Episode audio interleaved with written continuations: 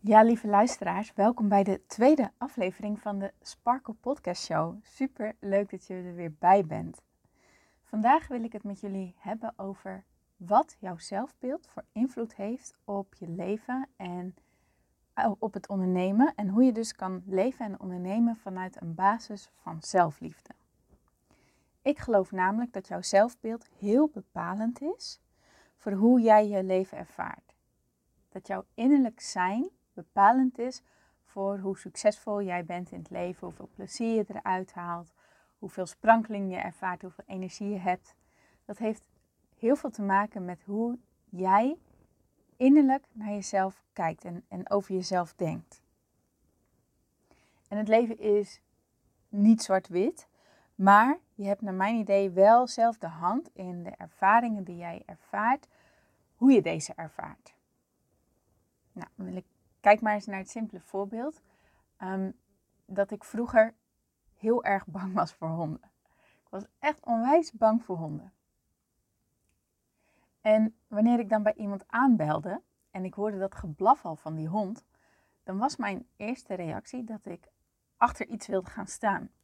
Dus bijvoorbeeld achter de persoon met wie ik was. Of wilde ik eigenlijk weglopen. Dat was mijn allereerste reactie. En als ik dan samen met iemand was en diegene was niet bang voor de hond, dan kregen we vervolgens dezelfde ervaring wanneer de deur open ging. Want de hond komt dan naar buiten en die komt aan je alle, allebei even snuffelen, komt allebei even groeten. En die gaat vervolgens, klimt misschien nog even tegen je op, springt misschien nog even tegen je aan en die gaat weer naar binnen. Maar ondanks dat het dezelfde ervaring is, hebben we het wel allebei anders ervaren. Want wanneer je niet bang bent voor honden, dan denk je, oh nou, eventjes die hond groeten en allemaal prima. Maar wanneer je, zoals ik toen, bang was of bang bent voor honden, dan heb je echt hart in je keel zitten en dan vond je dat eigenlijk echt niet tof. Puur omdat jij die perceptie hebt dat honden eng zijn. En dat je er niet op kan vertrouwen. En nou ja, straks bijten ze of weet ik het wat eigenlijk. Dus daarmee is de bril waardoor jij de wereld bekijkt, de overtuigingen die jij over dingen hebt, oftewel je perceptie van hoe het leven in elkaar zit en van mensen en van dieren, dat is heel erg bepalend voor hoe jij een situatie ervaart. Nou, en als je dan bang bent voor honden, dan is dat nog niet zo schokkend, want daar kan je wel mee leven. Het is een beetje lastig wanneer je in het park gaat, nou, dan weet je gewoon, ik moet niet op het tijdstip gaan dat iedereen zijn hond aan het uitlaten is. Hey, maar daar kan je mee dealen, daar kan je mee leven. Maar het wordt lastiger wanneer jij een perceptie hebt van jezelf die jou een onzeker gevoel geeft. Bijvoorbeeld dat mensen eerst negatief over jou zullen denken. Dat mensen jou eigenlijk helemaal niet mogen. Ehm, dat jij niet genoeg te bieden hebt dat je niet waardevol genoeg bent. Ehm, dat je niet goed genoeg bent. als jij zo'n soort perceptie over jezelf hebt, als jouw zelfbeeld ergens daarmee in lijn is, dan wordt het heel erg lastig om vervolgens jezelf te laten zien. En zeker met ondernemen is dit lastig. Want stel je nou voor dat jij naar een netwerkborrel moet gaan. Nou, dan stap je daar binnen en dan ontmoet je allemaal vreemde nieuwe mensen. En dan moet jij jouw bedrijf of jouw dienst gaan pitchen. Elke keer weer. En wanneer jij dan jouw eerste focus, jouw primaire focus gaat naar, oh jee, zij vindt, hij of zij vindt me eigenlijk helemaal niet goed genoeg. En, ik moet ervoor, en daardoor krijg je als reactie, ik moet ervoor zorgen dat jij mij wel goed genoeg vindt. Dan pitch jij never nooit zo goed dan wanneer je zeker bent over jezelf. En wanneer je trots bent op je dienst en dat je echt zoiets hebt, ja, maar ik heb de mensen echt iets te brengen met mijn dienst, met mijn service. Dus daar vertel ik ontzettend graag over. Want wie weet waar dit weer toe leidt en wie weet wie ik hiermee weer mag helpen. Wie weet wat ik hier weer mee mag brengen. Snap je? Er zit een hele andere energie achter, waardoor er ook weer een hele andere uitkomst is. Want mensen pikken altijd ja, die prikken altijd door woorden heen en die, die komen altijd bij ja, je energie uit. Hè? Die, die voelen of jij congruent bent met wat je aan het vertellen bent of niet. Of je daarmee, of het klopt wat je vertelt, of je daar ook helemaal achter staat.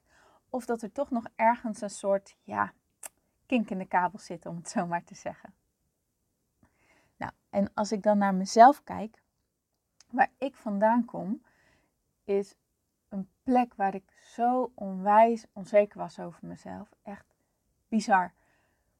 En ik heb hier van alles voor gedaan. Ik heb allerlei trajecten gevolgd. En, en zo was uh, bij de psycholoog ook. En ik, ik, deed ook een assertiviteitscursus bij de psycholoog. En ik weet nog dat een van de opdrachten toen was dat je een vreemd persoon op straat even moest groeten.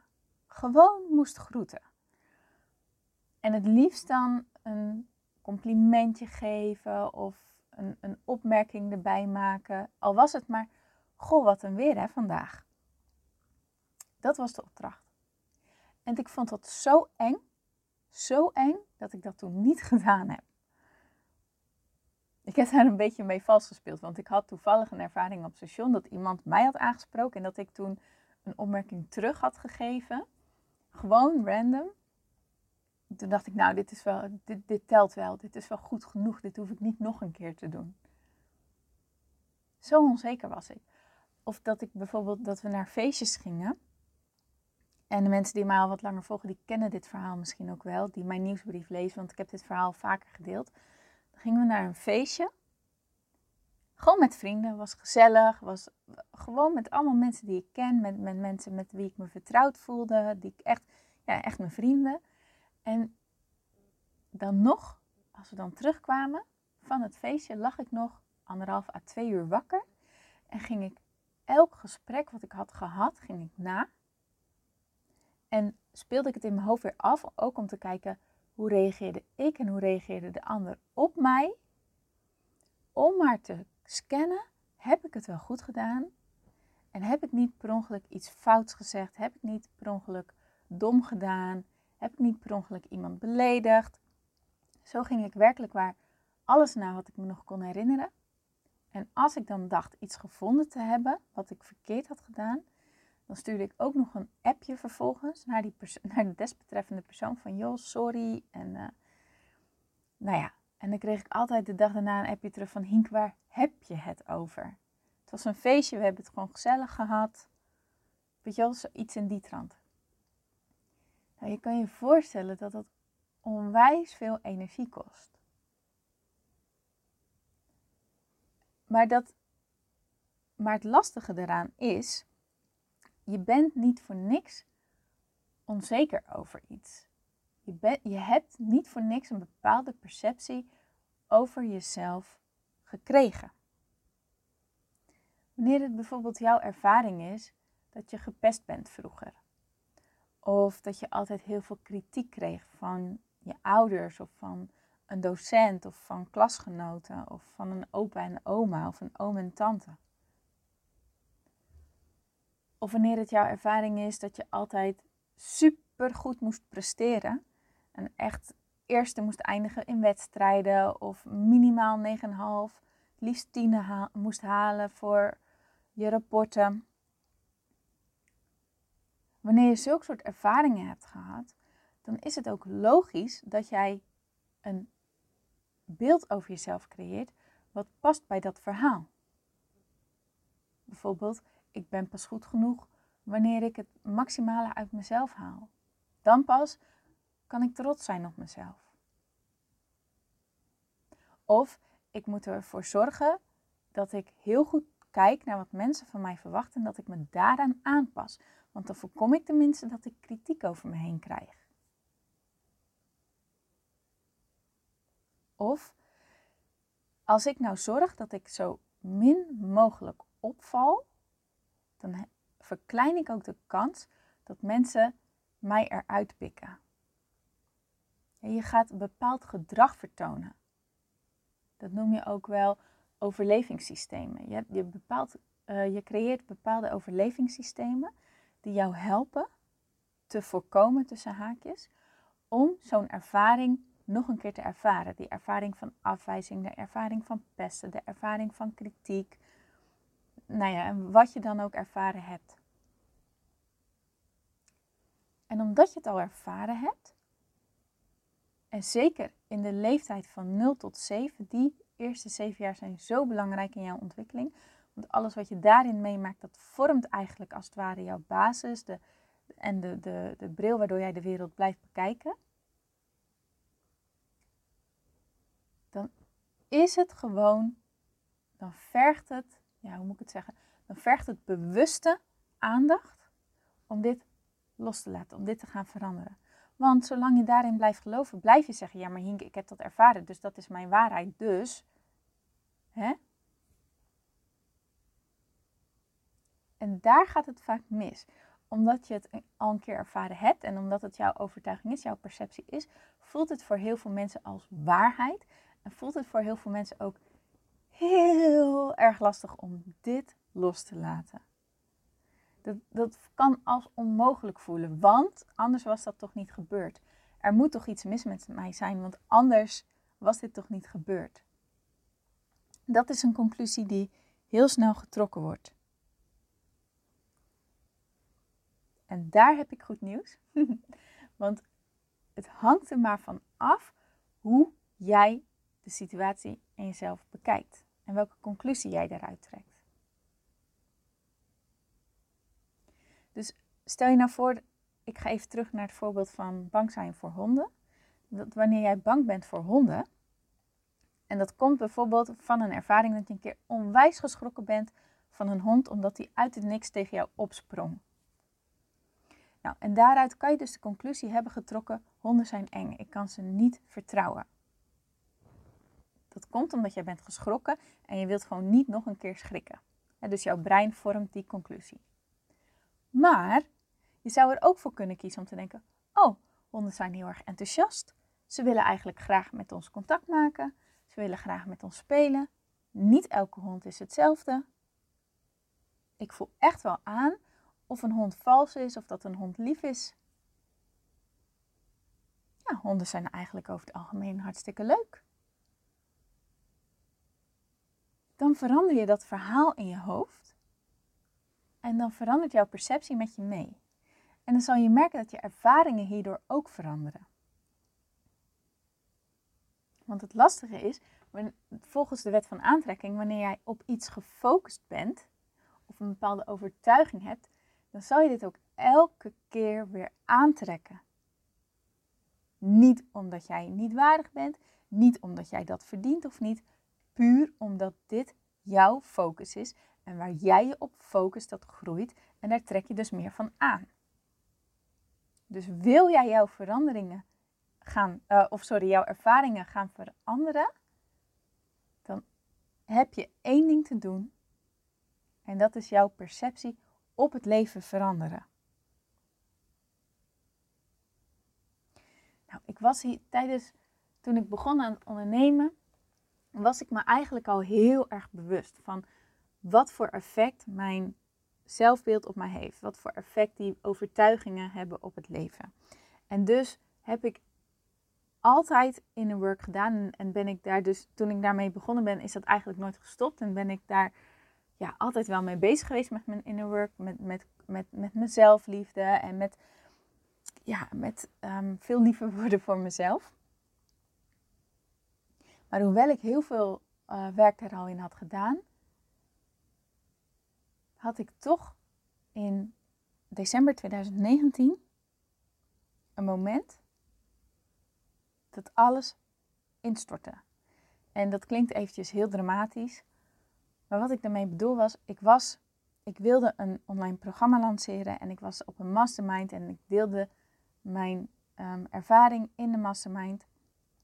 En ik vroeg om hulp van, hey, goh, wat zou ik nog meer kunnen doen? Hoe zien jullie dit? En toen kreeg ik van iemand het advies van Hink. Stop er maar mee. Of nou ja, stop er maar mee. Maar ik denk dat dit niet de go-to is. Ik denk dat jij eerst nog meer ervaring in dit en dat op moet bouwen. Want je hebt nu te weinig volgers, te weinig mensen om je online programma ook daadwerkelijk te gaan lanceren.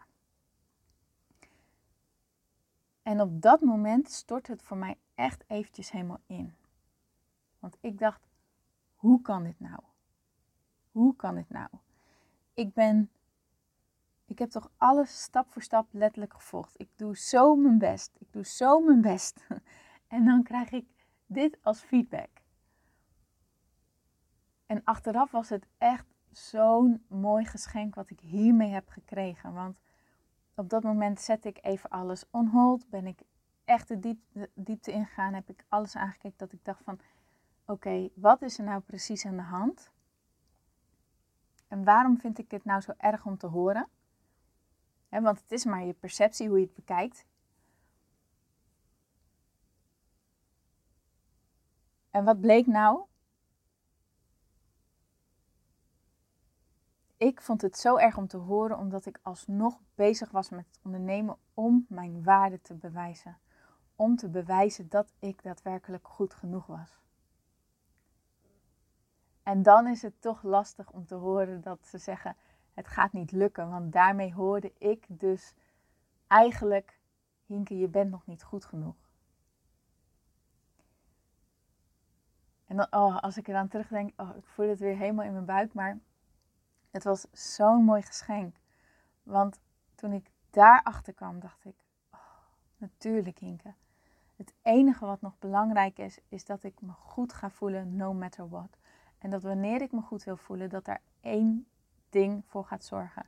En dat is dat ik onvoorwaardelijk van mezelf leer te houden. Dus ongeacht wat ik doe, ongeacht de resultaten die ik bereik, ongeacht dat ik slaag in iets of dat iets niet slaagt. Hè, dat ik faal als het ware. Ongeacht al die dingen, ongeacht het geld op mijn bankrekening, ongeacht de relaties die ik heb. Dat zijn allemaal bijzaken. Dat zijn geen voorwaarden die ik aan mezelf moet stellen. Hoeveel ik van mezelf hou, hoe waardig ik mezelf vind en hoe trots ik ben op mezelf. Dat stukje moet namelijk echt onvoorwaardelijk zijn.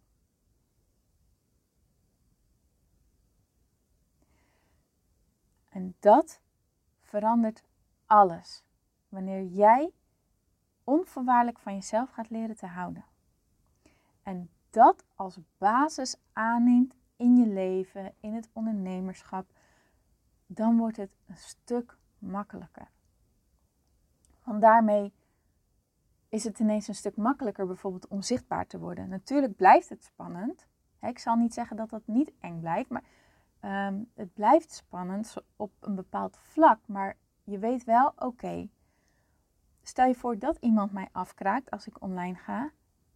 Ja, dat is dan maar zo. Want ik weet dat ik mezelf niet afkraak. Ik weet dat ik onvoorwaardelijk van mezelf hou en onvoorwaardelijk trots ben op mezelf en mezelf zo goed vind en sterker nog, ik ben super trots op mezelf dat ik dit heb gedaan. Ik ben super trots dat ik buiten mijn comfortzone ben gegaan. En dan verdwijnt dat andere echt ja, als sneeuw voor de zon haast. En als het je nog wel raakt, dan is het juist een heel mooi gift voor jou. Een mooie uitnodiging om nog een laagje dieper bij jezelf te gaan. En nog een stapje verder te gaan in het loslaten.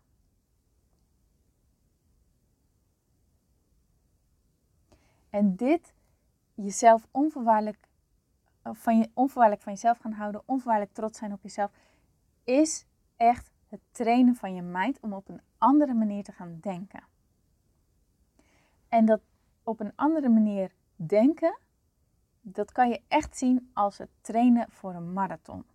Dat, je rent niet een marathon in één keer zonder enige vorm van voorbereiding. Nee, natuurlijk niet. Je gaat jezelf en je spieren trainen om die 42 kilometer te kunnen hardlopen. Dat vereist training, dat vereist bepaalde voeding, dat vereist een bepaald schema, een bepaalde discipline van jezelf. En zo werkt het ook met het jezelf trainen op zelfliefde. Je moet je mind echt leren op een andere manier te denken, op een andere manier naar jezelf te kijken en dus andere percepties te creëren, een ander zelfbeeld te creëren. En als je dan eenmaal op dat punt bent, als je eenmaal die marathon hebt gelopen, moet je het ook blijven volhouden.